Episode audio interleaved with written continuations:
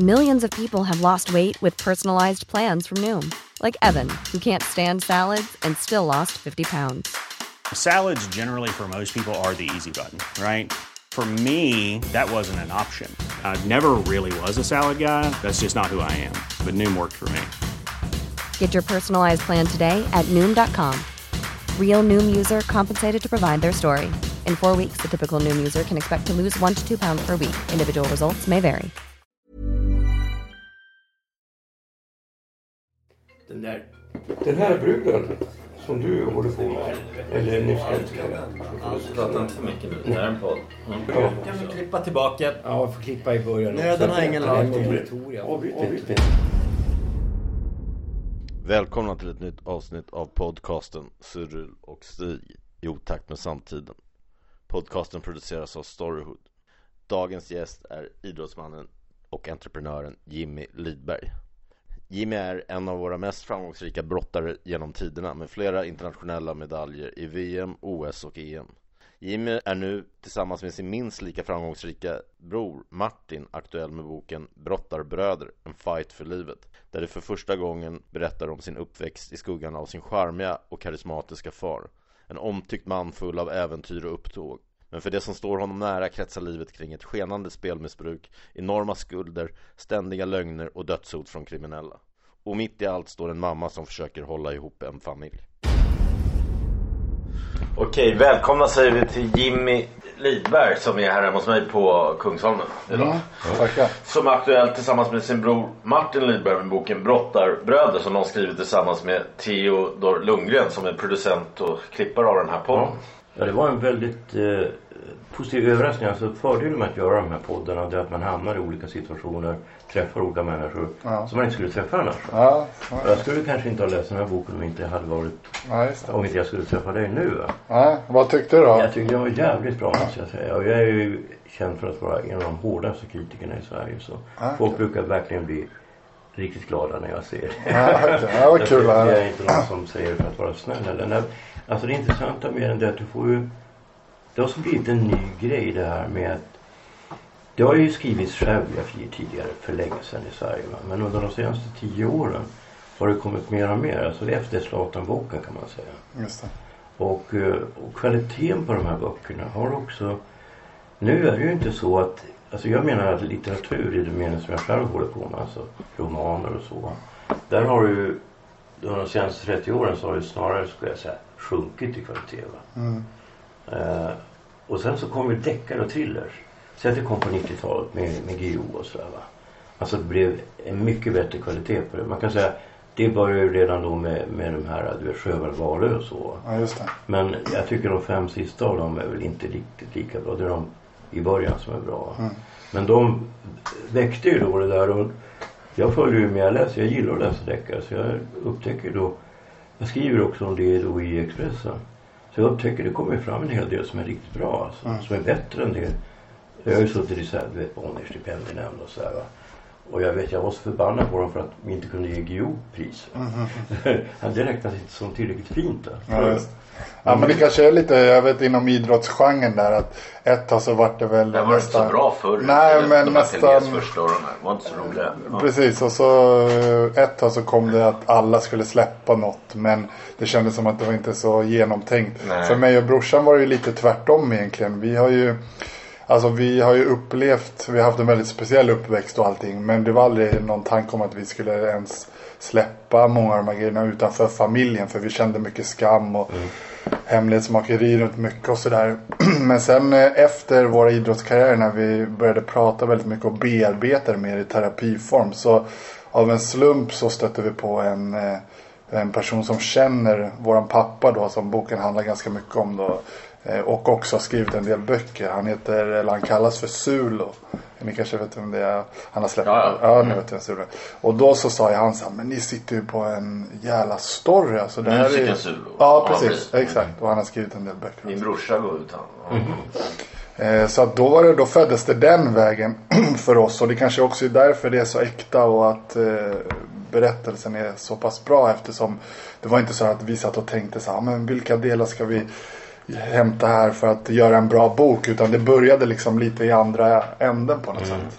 Jag ska bara, okej, ja, först bara ska jag hoppa på det där som Stig sa. Att jag tror också genren har utvecklats. Så Mm. Man ser ju bara här, Tio har utvecklats som skribent också. För att jag tycker att det här är det bästa han har jag har med sig. Ja, men han har skrivit många sådana här andra personers böcker. Sen handlar det om, jag har ju också gjort det, hur bra ni är på att berätta. Och det hör man ju redan i, jag, tycker, jag lyssnade ju på ljudboken för jag har varit på resande fot. Jag tycker ni läser väldigt bra. Okej. Särskilt Martin, det låter så här som någon som två bilmekaniker, inte så här fjolliga som, som ändå kan dramatisera. Liksom. Eh, och Theo också måste ha gjort ett, för det kan inte vara så lätt tror jag. Jag har inte gjort att varva två personers historier. Nej. Och en tredje pappa. exakt, det är väldigt ett speciellt sätt att skriva på. Sen, sen har jag lovat Theo att jag och Stig inte ska prata så mycket om oss själva. Men här måste jag bara dra in där. För att förutom det där att, för det känns som att man har haft någon närhet till er utan att aldrig ha träffat er. För förutom det här med att du och jag satt i samma styrelse med de här kriminella ungdomarna. Så har ju er pappa Taveltompa, han har ju nästan varit en idol för mig de senaste åren. Och jag kommer till det nu. Eller allra först ska jag dra upp det. Er farfar kände min pappa som Okej. var mycket äldre. Just är-. Farfar var ju min konstnär. pappa var född ständigt. 1911. Ja, så jag har, som ni skriver också, att han målar på krogservetter åt folk. Jag har ett porträtt av min pappa som han har gjort på en krogservett. oj. Ja. Men sen det där andra att jag kände till honom så väl då. Det är för att dels min senaste flickvän, hon, hon är konstnär och eh, har Niklas Belenius som, som gallerist. Och hans galleri ihop, det de är väl liksom top notch. De, allt är inte bra men det mesta är bra. Att Han, han och, det är väl han, Magnus Carlsson och Shevchenko som är top notch. Nordnork har inte så mycket längre tror jag. Men, men, men, och, men i alla fall så hans pappa lärdes upp av eh, Taveltompa. Ja. I vanliga hade man ju trott att, att liksom Östermalmssnubben, juden som han är här också, Ja. skulle lärt din Ja, pappa. Men precis. det var tvärtom. Ja, jag hört från. Ja, Och, och eh, det kanske inte Niklas tycker är kul men det här, för det här har jag hört från en annan. För sen har jag en väninna som, jag vill inte säga hennes namn men, men hon har Även nu har hon, i, alla, i de senaste 5-6 åren Mm. har hon haft eh, er pappa Taveltompa som mecenat. Så jag har ju hört, jag visste inte att det var så illa att, att det varit skulder och så. Jag har bara hört att ja, men han är en sån här storspelare och, och, och, och ibland går upp och ner. Men jag visste inte att det var så illa. Och han har ju då han har ju, hon, hon, hennes, jag ömmar ju lite för henne också liksom, så, att jag är glad att, att han har, hon har kunnat att hon har kunnat försörja sig på honom egentligen. Och hennes man är invandrare som inte får något jobb och sådär liksom. Så hon, han har egentligen försörjt två där Ja, på. okej. Även om, eh, på. Sen gör, tjänar väl han pengar för hon Ja. gör ju dekorativ, hon är etablerad inte superkänd men ändå etablerad och gör dekorativa nakna bilder på sig själv.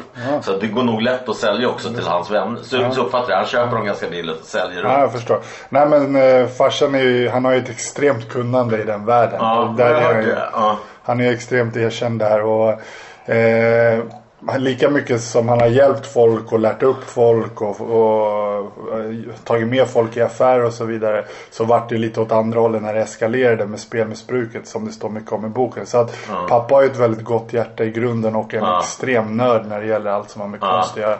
Så att eh, han, det har ju varit ett givande och tagande där. Men tyvärr vart det ju åt fel håll där ett tag. Och, eh, ja, och det är det man får läsa om parallellt med min och brorsans brottningskarriär. Hur Ja. det påverkade oss då genom... Ja, jo, men jag som läsare blir nästan förbannad när, man, när din brorsa och han har dragit ihop en miljon som ändå måste vara mycket för att vara eh, liksom, brottare i Sver- från Sverige. Liksom. Absolut. Och så får allt det gå till hans spelskulder. Ja. Och även dina pengar och, och sådana. Ja, det är, en, det är speciellt en scen här som jag tycker är väldigt bra. Som jag tror du från dig här. Det är på sidan 143 till 145. Det är när ni sitter och snackar och han tar fram en femhundring som han river sönder. Alltså. Ja. Och det här, han, han försöker förklara för dig hur jävla ont det där med pengar är. Va? Ja. Det är väldigt starkt. Alltså. Mm. Ja. Därför att det, alltså, och det jag funderar över när, för jag har liksom ingen sån här spelgen. Va? Jag får liksom ingen kick. Alltså jag har ju naturligtvis spelat på roulette och så, aldrig mer än 50 spänn. Va? Ja. Men alltså, jag har ju vunnit och så och blir lite glad då. Men jag har blivit för lite glad för att halka dit på det, förstår du? Ja, jag förstår. Det är som med alla droger. Om Ja. man tycker väldigt mycket om det Ja. så är det risk att man går in på Jag är det. lite för ekonomisk också tror jag. För jag, också, jag, har, jag har, det går ju att vinna på spel. Alltså, min agent har en vän, en svensk, som spelar med Poker med Abramovic och de. Ja, och det. lu- de är ju smarta liksom, mångmiljardärer. Men de är jävligt bra på matte. Ja, ja. Ja, men fast han lurar, spelar dåligt i början och han är god för en 200-300 miljoner på svensk på poker. Så Mm. Ja. på poker går och jag har nog gått plus minus noll nästan på roulette. Jag har mina småsystem. Men, men jag tror inte att eh, i längden förlorar man Ja. det. Och, Det är ju väldigt få som eh, kan försörja sig på spel Ja. i längden. Men pappa tillhörde ju den skaran där som du säger. Att ja. han, det var ju höga insatser på den här tiden. så nu kan man ju logga in på internet och spela för höga summor. Men på den här tiden så var man ju tvungen att gå till de här så kallade svartklubbarna. Och sen var det travet. och han hade den här på, um, på Sankt Erik. Sankt Ja, Eriks han var delägare i den ett tag. Kortboxen. Och sen så hade han öppnat han två andra. En i Årsta partihallar. Eh, och så var det en vid Sankt Eriks eh, där någonstans. Eller Fridhemsplan menar jag. Mm. Så att, eh, och det var ju, jag fick ju växa upp lite i de här miljöerna. Vi var ju med farsan ibland och det var ju män eh, som satt där. Eh, och det var inrökta lokaler och så vidare. Men det var ju fascinerande att se hur det var ju så visuellt också på den här tiden för då var det verkligen pengar. Det var inga kort utan det låg ju liksom Ja, buntar med, filmer. ja, Ja. ja, buntar med 10 000 kronors sedlar på bordet. Ja, just det. Jag har bara sett en 10 000 kronor i hela mitt liv. Ja, min farsa hade det i böcker. Ja, Just det. Ja, så att det var ju en väldigt speciell eh, värld det där. Men jag tror att som vi skriver också då, det är ju den här genen, den kan ju man ju använda på olika sätt. Och för farsan så var det ju först att han blev väldigt, eh, han höll på med idrott och var väldigt engagerad. Sen tappade han lite intresset och då kom han in på konsten först och lärde sig allt, satt och grottade i all litteratur och blev bäst på det. Och sen så någonstans så räckte väl inte de kickarna till så han hade det som en försörjning men så kom han in på det här med spelet och han kunde ju hålla sig flytande ganska många år. Han var en av dem som ändå kunde försörja sig. Men till slut som det ofta gör så går det åt fel håll. Så blir det en skuld och så blir det en till och så försöker man låna i kapp. Och sen vart det ju enorma miljonskulder av allting. Och, och där eh, rasade ju hela korthuset. Liksom. Ja, okej, det var så alltså. Så det var inte kombinationen att man missbrukade något annat eller något sånt? Det- Nej men däremot kan det vara som ett sidomissbruk att man börjar döva med alkohol och så när man känner att åh jävlar nu har jag lånat av polaren eh, en miljon här och där och så blir det en ångest och så tar man till kröket och så. Nej, det- sen ser man ju där, ibland undrade man ju då, fast det är ju ett väldigt varmt porträtt ni beskriver honom. Ja. för ett tag undrade man här, va? Är han psykopat? Men jag också skrev att han kan manipulera till och med polisen. Ja. Men det där känner jag igen hos spelmissbrukare för att jag har en vän som jag tror, han har inte sagt vad det var, men Ja. han lånade utav alla sina vänner och även mig. Och jag kände igen det där att jag också nu hotade jag honom kanske inte med våld men det var väldigt obehagligt för mig också när jag tänker tillbaka att man hotar, har en hotfull ton och, Ja. och, och, liksom, och i slutändan fick jag tillbaka i princip allt. Men det, det, det, han hade den där konsten att manipulera den också att man skulle få tillbaka med flera gånger pengarna och sådär. Och jag, och jag vet, vi ska inte prata för mycket om Rob- Robert Aschberg för han får tala för sig själv. Men det är ju känt, det har ju stått i tidningarna att han blev av med 20-30 mil- miljoner eller någonting. Och han är ju en smart snubbe, det säger han själv. Om man kan lura mig kan man lura vem som helst. Ja. Att de, alltså, när, det är något med just spelmissbrukare. De, de kan få in pengar från håll men sen sätter de sig i skulder och då får hela familjen ett helvete liksom. Ja, De- det, det finns ju också en likhet, jag kommer att tänka på det, jag vet inte om jag, vet inte om jag har fel eller inte. Men det finns ju en likhet mellan brottning och det här med spel.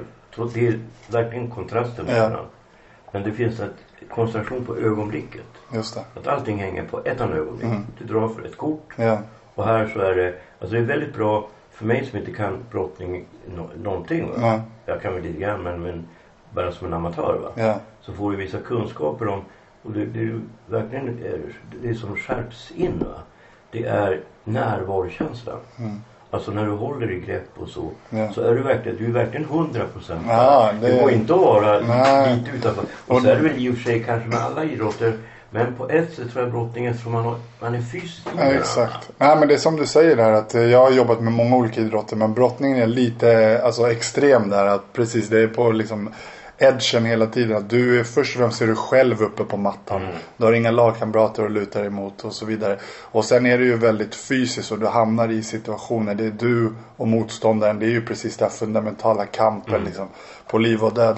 Så att eh, Och ett litet fel där som mot slutet. När Ja. du rullar åt fel håll. För Ja. övat in honom och så fintar han dig. Ja, det var så jag förlorade en VM-final precis som, Mm. som du säger här. Att, eh, ett litet, litet misstag från att vinna den här VM-finalen och det går ju på liksom en hundradel. Och då är det bara du som gör misstaget. Det är inte så att jag kan kolla på han lagkamraterna i fotbollslaget. Utan du är ansvarig för båda dina eh, vinster och dina förluster. Men det där med spelmissbruk skulle jag säga, för då fick ju ni också det här som min kompis. Även jag har ju varit sån som ringt till hans liksom, fru och sagt nu får du skaka fram pengarna. Ja. För att se till att din man. Eh, så då, det gick ut över er. För du går ju till och med med en pistol mot Ja. slutet. Ja, det, var, det blev väldigt mycket hot där ett tag för att eh, några av de här skulderna såldes ju vidare sen. Och, eh, Ja, det så blir det så här ockerränta. Ja, och de lägger på ockerräntor och sådär. Eftersom de visste att, ja men, de, vissa hotade ju farsan direkt men sen var ju han bra på att gömma undan sig själv och så. Och till slut så studsade det neråt i leden. Och då eh, kom ju de och knackade på min dörr några gånger, ringde på nätterna och sådär. Och jag kände mig ju otrygg samtidigt som jag kände att så här, ingen jävel ska få störa min OS-satsning här. Så jag tog ju till alla möjliga knep för att liksom lura till mig en tryggare känsla. Liksom allt från att flytta från Stockholm en period till att införskaffa någonting och försvara mig med och sådär. Så att det var väl det här att man, liksom, man ville göra någonting för att ändå få upp sin känsla av att, eh, att trygghetsnivån så att jag kunde fokusera på det som jag ville fokusera på. Och det var ju att träna sista året inför OS eh, i London då. Ja, men jag tänker på slutet när han säger då till det så här, tror ni att det hade gått utan mig? Ja. Han försöker ta åt sig Ja, ja. Men det ligger ju någonting för att den här fruktansvärda pressen som jag inte önskar min värsta fiende. Ja, är, är, funkar ju också som en sorts trigger. Det absolut. går inte för att man hamnar i en bubbla som förstärks av att allting utanför den här bubblan och den smärta man upplever i den bubblan Verkligen. är ännu värre. Ja, nej men det är som du säger. De, det är det som är så intressant. Det här att de står i relation till varandra. Och det har jag märkt ofta med folk som har lyckats med någonting. Att eh, de har oftast haft liksom den andra sidan. Kanske en otrygghet som har gjort att de har eh, haft mer att förlora och mer att vinna på. Eller komma bort från en miljö och komma in i en annan. De står liksom hela tiden i relation till varandra. Och när pappa säger där efter OS i London att Okej grabbar, jag har ställt till ett helvete många gånger. Men tror ni verkligen att ni hade blivit eh, världens bästa brottarbröder om det inte vore för mig? Så är det precis som du säger, det ligger ju jävligt mycket i det. Och det hade vi förmodligen inte blivit om det inte, om det inte vore för allt det. Men sen tycker jag också Stefan Jansson jag gjorde en intervjubok med som kommer i ny utgåva här under våren. Han gjorde en film om Ricky Bruch, Själen är större än världen. Just Det är också en friidrottare, också ensam och sådär. Och han, Stefan talar hela om att det var det han ville skildra. Att det här Sisyfos-myten, att stenen, och som också är konst, att, att du blir aldrig klar. Att Nej. rullar ner stenen. Det tycker jag man känner med brottningen här också. Den där ensamheten och kämpa och Mm. Verkligen. ibland vinner man. Ja. Men också ofta förlorar och all träning liksom. Ja. Är det värt det? Ja. ja.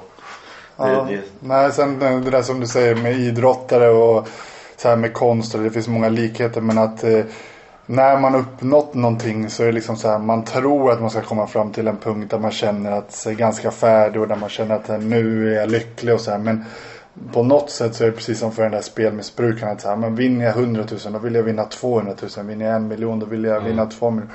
Så att det är någonting i våra själar där eh, som har den här genen och sådär. Att man, man bara strävar vidare liksom. Och jag kan tänka tillbaks på min brottningskarriär och tänka så här. Men jag njöt ju knappt efter att jag gick upp etta på världsranking eller efter den här VM-medaljen. Så här. Jag bara liksom flöt på och bara så här, nu ska jag göra nästa.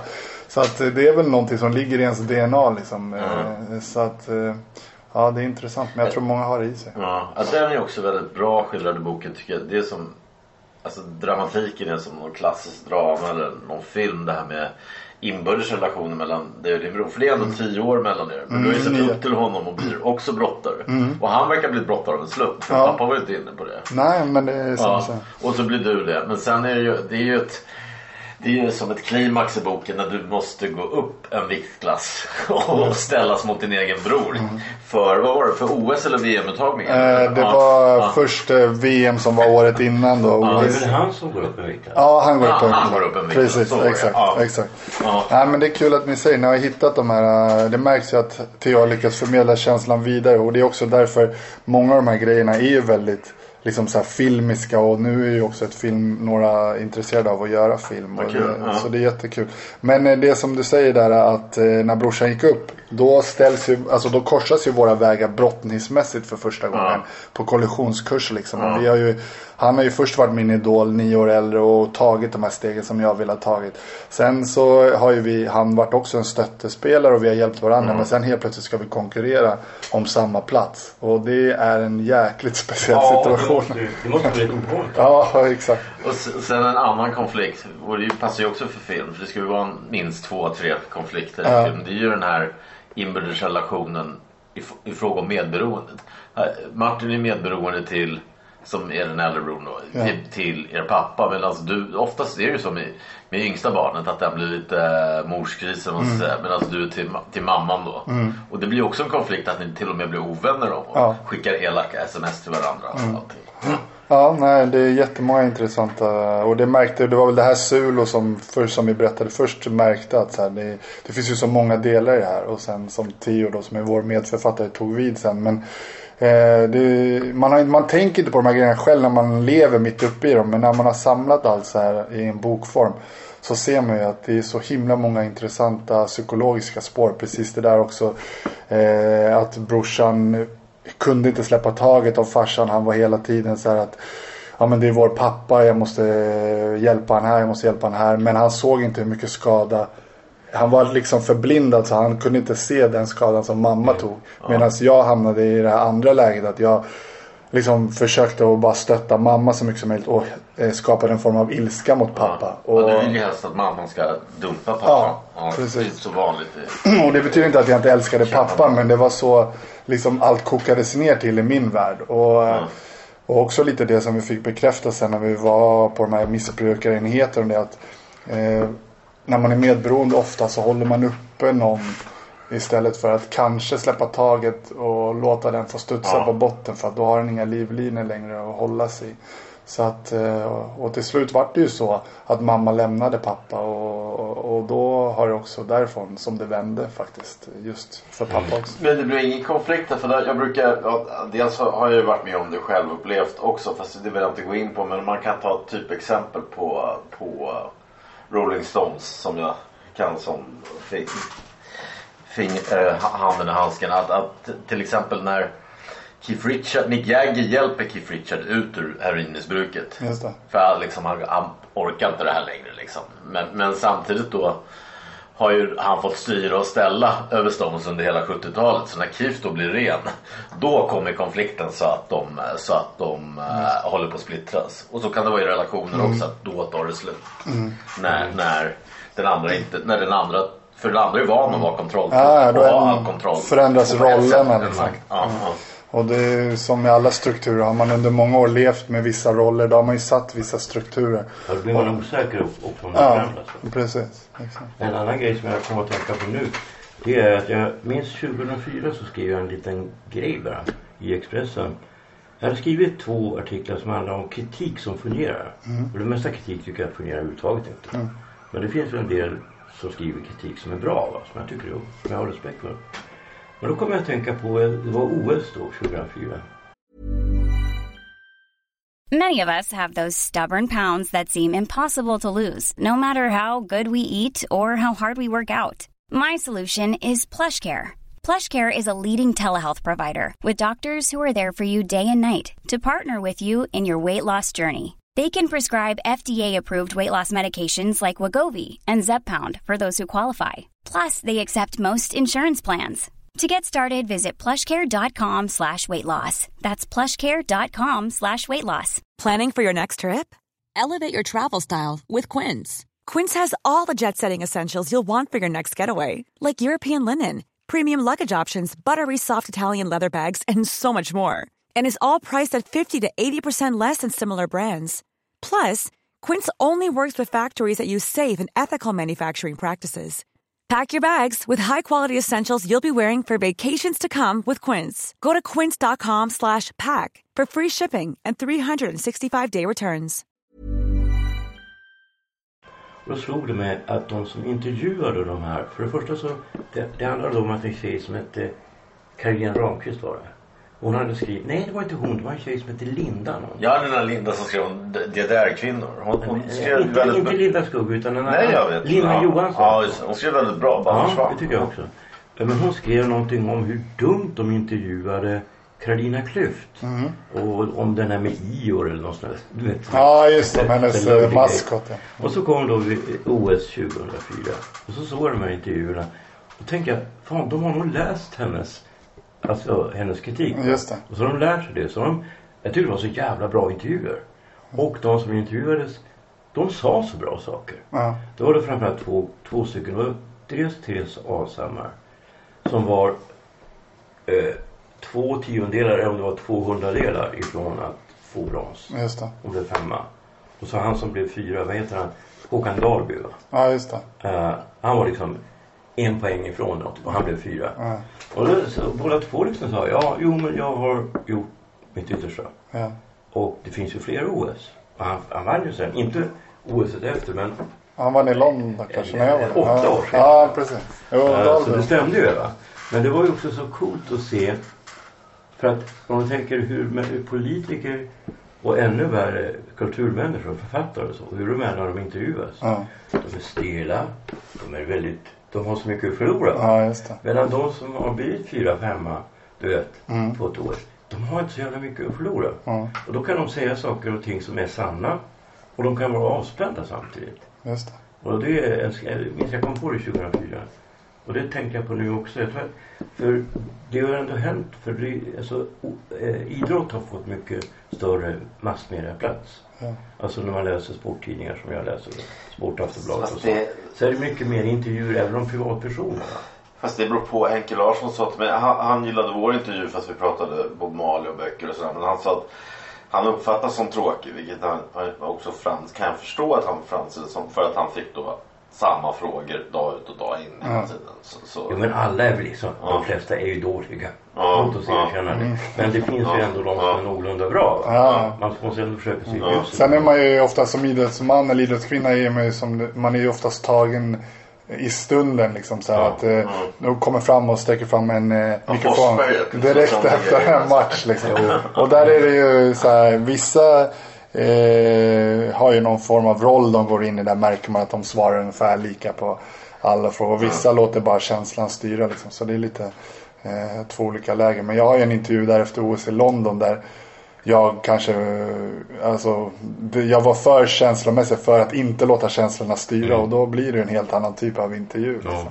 Eh, där tårarna kommer och, och sådär. Och det, är- det, är- det är ofta det som folket kommer ihåg. Ja, ofta när de kommer till mig så. Sånt där med idrott som till exempel, särskilt inom friidrott med doping. Som han som du eh, torskar mot, att han var dopad och sådär. Blir man inte bitter över sånt? Kan jag tänka mig. Patrik Sjöberg verkar ju liksom till exempel vän med, med den här uh, Majot eller. Men eh, han, han har döpt sin hund till honom också. Men han är ändå arg att han Ja, Just det. liksom tror Ja men det har någon liknande relation. Jag känner den här Ungran Balashkis heter han. Och vi har ju pratat många gånger både innan och efter. Och, och så här, alltså en kollega liksom sådär. Så jag, vi har inget ont öga till varandra. Men sen kan jag tycka att själva händelsen att jag är lite bitter att han klarade, eller han kissade då utan att påvisa doping under VM. Men några månader senare på en tävling, tävlingen efter då så hade han anabola steroider i, i kroppen. Och eh, friidrott och många andra idrotter, de liksom så här, där får du ju ett straff också som är retroaktivt. Att, så här, för att man sätter ner foten i signalvärdet också. Och framförallt om det är samma år. Liksom. Så det är klart att jag har gått och tänkt många gånger på att Dels förlorade jag den finalen när det var sju sekunder kvar. Men det har jag bara mig själv att skylla. Och sen kom det här med att han åkte dit för doping och sådär. Så att själva händelsen är en sån händelse som jag kan tänka på väldigt ofta än idag. Men inte lika mycket på person. Inte så att jag riktar min ilska mot personen då. Men själva, eh, själva fenomenet kan ju vara, alltså det är en sån grej som kan störa mig än idag liksom. Och jag menar, det här är ju 11 år sedan. Ja. Nej, men en sak som jag undrar om också, för jag blir nästan ännu mer upprörd. För jag har ju sett brottning vet, på Ja. Här, man tycker det är, Och jag blir så förbannad när jag tycker att det är domarfel. Just det. Alltså jag upplevt att brottning har mer domarfel än andra idrotter. Mm. Och att det på något sätt är lite korrupt och framförallt att av stater, framförallt bulgarer har jag för mig. Eh, Mm. Ja, liksom. du har en liten poäng. Men jag skulle säga att det är två delar. dels tror jag att så här, det är många idrotter som har det här äh, inom sig att det förekommer grejer. Det är inte bara brottningen. Men brottningen har en öststatsdominans och många av de här öststaterna har en tradition av att så här, vid en 50-50 situation eller 49-51 situation då, där det ändå går att som brottning är en bedömningssport faktiskt i vissa avseenden att det uppstår sådana här situationer där kanske så här, man landar innanför mattan och sen rullar man ut till exempel och så här, ska det vara poäng Okej, man kan döma det som att det var utanför den här kastet. Ja, typ sådär. Så att det uppstår sådana situationer och då de här öststatsnationerna som har liksom ryska som eh, bas på något sätt. De kan det från skolorna eller de är en rysktalande nation. De har lite eh, kod av att så här, blir en sån situation så hjälp. Så att många har sagt att hade jag och Martin haft Ryssland på trikån så hade vi haft två VM-guld till och, och flera medaljer till. Men sen tror jag inte att det är mer muter i brottningen än i så många andra idrotter. Men det förekommer såklart. Men det gör det tyvärr i många idrotter. Men där tror jag att det är inte, eller det har fått en liten stämpel av att det skulle vara extremt inom brottningen. Men jag tror mer på att, Ja, men jag tror att det som åskådare är det att det är ännu mindre klart. ja, För när du ser boxning och så här så tycker jag att du har någorlunda kan göra en bedömning själv. ja precis. I brottning är det mer oklart. Mm. Ja, Men boxning är också ofta fel. Det är- Ja men alltså du, du ser väl ändå när brottning så är det så, det är så skumma regler. Mm. Ja. Du det kan varit- inte reglerna. Det håller jag med om också. Att det, det, de enklare reglerna var det de ändrade om till mer svårtolkade regler även för oss brottare. Och då undrar man ju så här, är agendan bakom det här att ge mer makt till domarna? För att det går faktiskt att tydliggöra det lite grann. Så vi hade en period mellan 2004 till 2009-10 där. Då var det som värst faktiskt. Eh, OS i Peking, där hade vi ju den här incidenten med den här svenska brottaren Ara Abrahamian till exempel. Han lämnade ju medalj. Och det var ju fruktansvärt dåliga regler. Det var ju jättekrångligt och det var så här lottning mitt i matchen vem som skulle börja i en situation och matcherna var korta så att det blev så här liksom det skulle avgöras på varningar. Det, det var väl, så jag håller med dig att vi har skjutit oss själva i foten eller brottningen har skjutit sig själv i foten genom att Eh, det är ungefär som att säga så här, ah, men vet du vad vi gör med fotbollen nu? Vi tar ner eh, och så spelar vi på halv stor plan istället. Och så förkortar vi ner matchtiden till två gånger 10 minuter.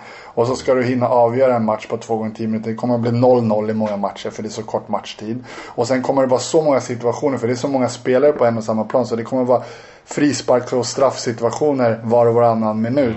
Och så ska du döma som sitter där på läktaren som inte har någon utbildning. Jaha, var det här frispark eller var det inte Nej, frispark? jag, tror att, Så- jag, jag tror att när det gäller fotboll som är den sport jag kan bäst. Ja. Så tror jag att det är så. För det första så är jag en av de enda i världen som är djupt stor beundrare av Fifa. Ja.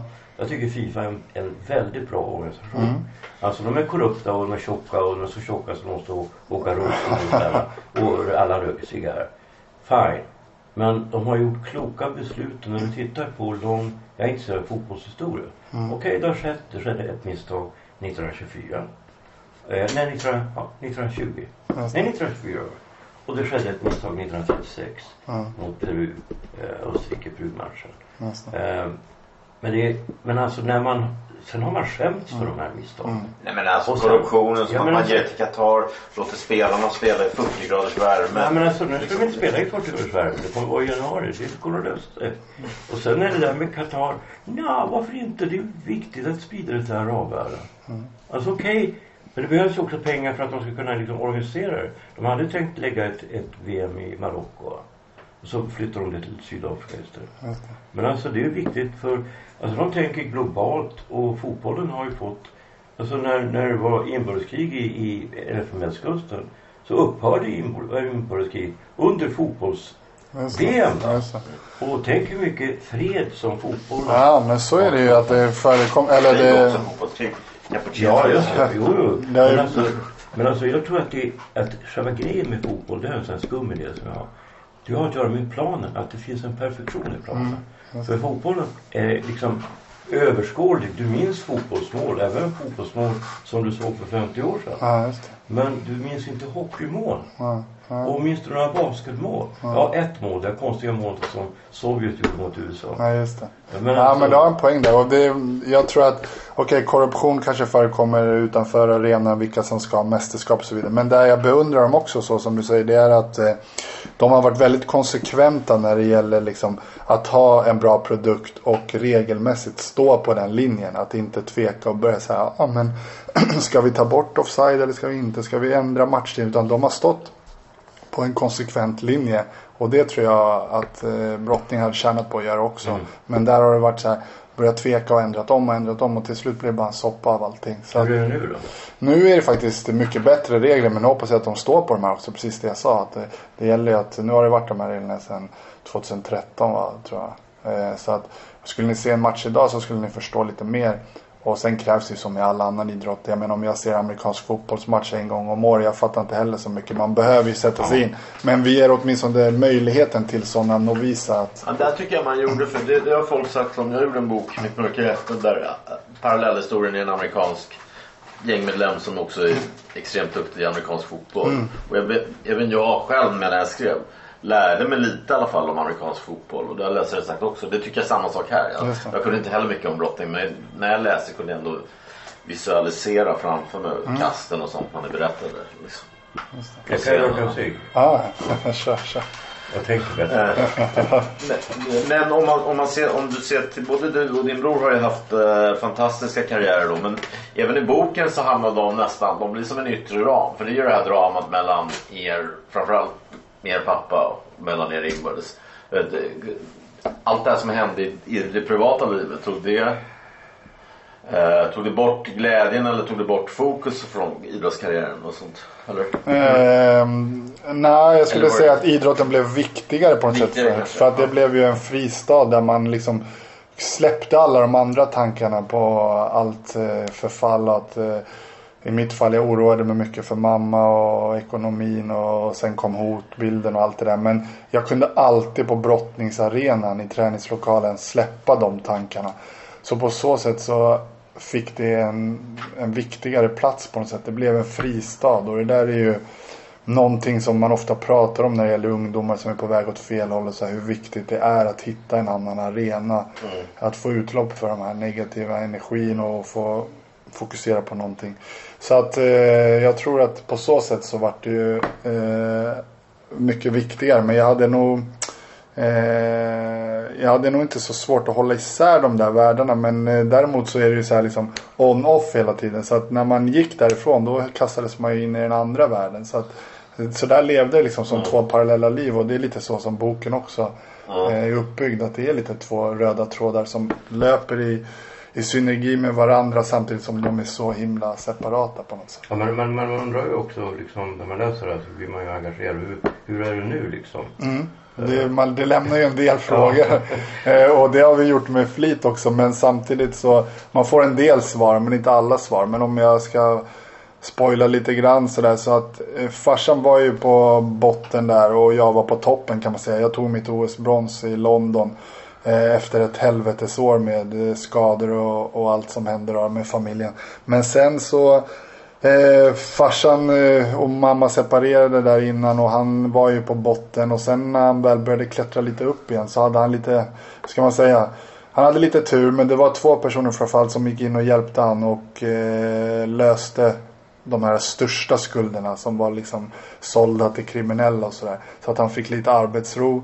Sen gjorde han en skuldsaneringsplan med, med de andra och de som han gick in och gick in och hjälpte han och finansierade vissa grejer. Sen har han fått arbeta av dem och sådär. Så att han har gjort en jävla resa. Eh, gått på spelmissbrukarenhet och eh, så han är på en helt annan plats idag. Men sen har det ju hänt lite Farsan är farsan liksom. Det är ingen rak, Nej, nej, nej. eh, rak linje. Men han är ju på en helt annan plats än vad han var då. Där han var hotad till livet och hade extrema skulder och dessutom hade tagit till alkoholen. Nu har han ju inte druckit en droppe på sju år. Och sådär. Men han kommer, han kommer ha skulder så länge han lever och, och sådär. Men han lever och det har ju de sagt Hur till gammal honom. är han? Eh, han är född 50. Ja, han är fem år äldre än vad Ja, han är 70 va? Eh, så...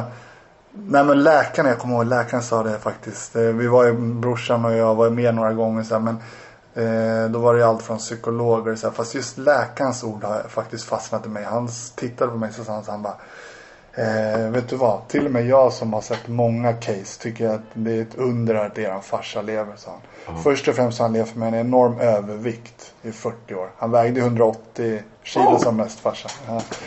Han har diabetes, han har haft kärlkramp redan liksom, som 49-åring. Han har stressat och varit hotad till livet och allting. Men att han liksom lever och är ändå är mobil och kan röra sig. Det är någon jävla genetik ni har. Ja, alltså. jo men alltså generna är så jävla viktiga. Jag har en polare som det är samma sak han var dödsdömd då. Ja. Han, och så sa han så här, nej men min identitet är att jag är alkoholist. Just. Så då vill jag ha ut morfin så jag inte lider när jag dör. Ja. Och så här Tashi, så han tog då morfin.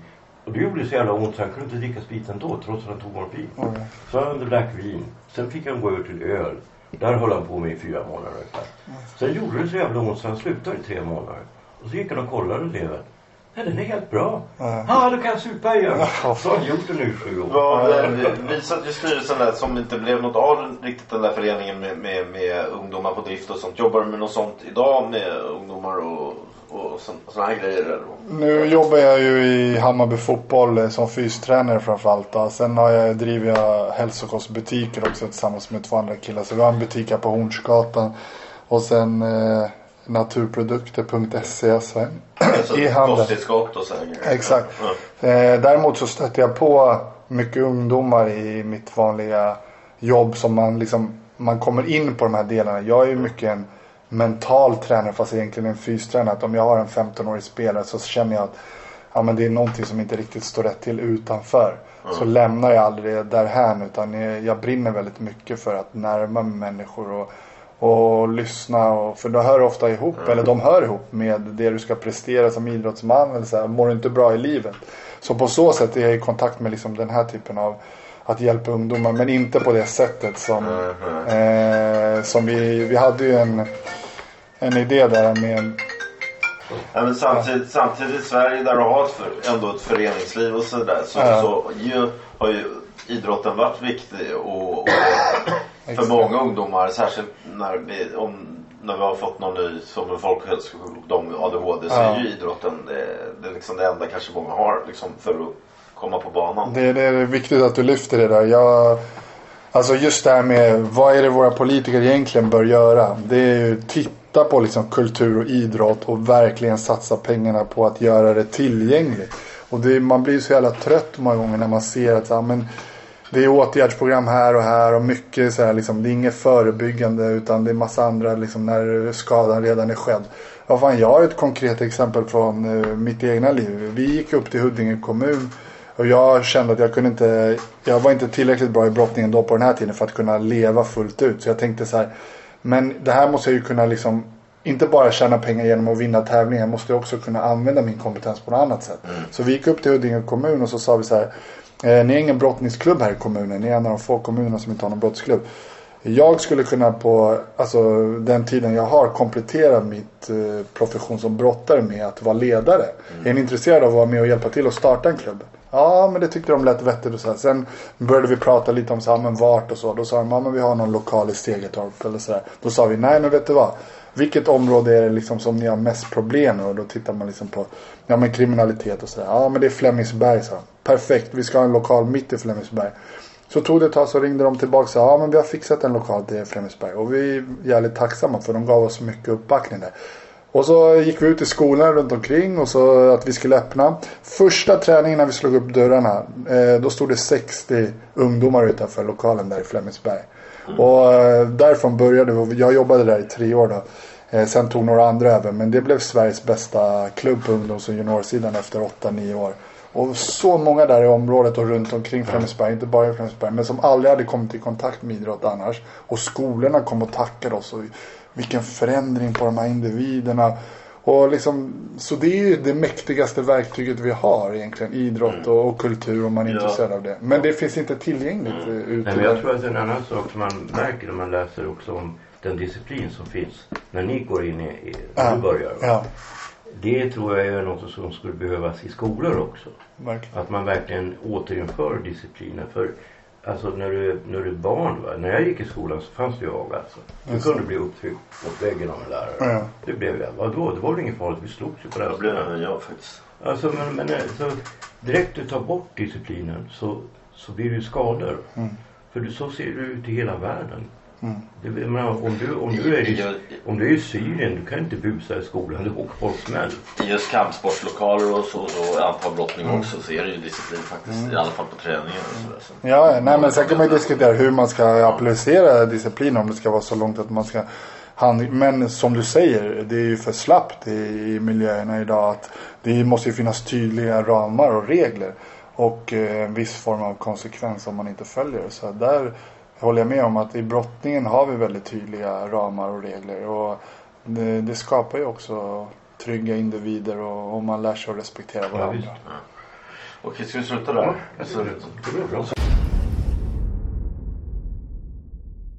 Stötta gärna oss på Swish. Nummer 123 535 4857. Nummer 123 535 4857.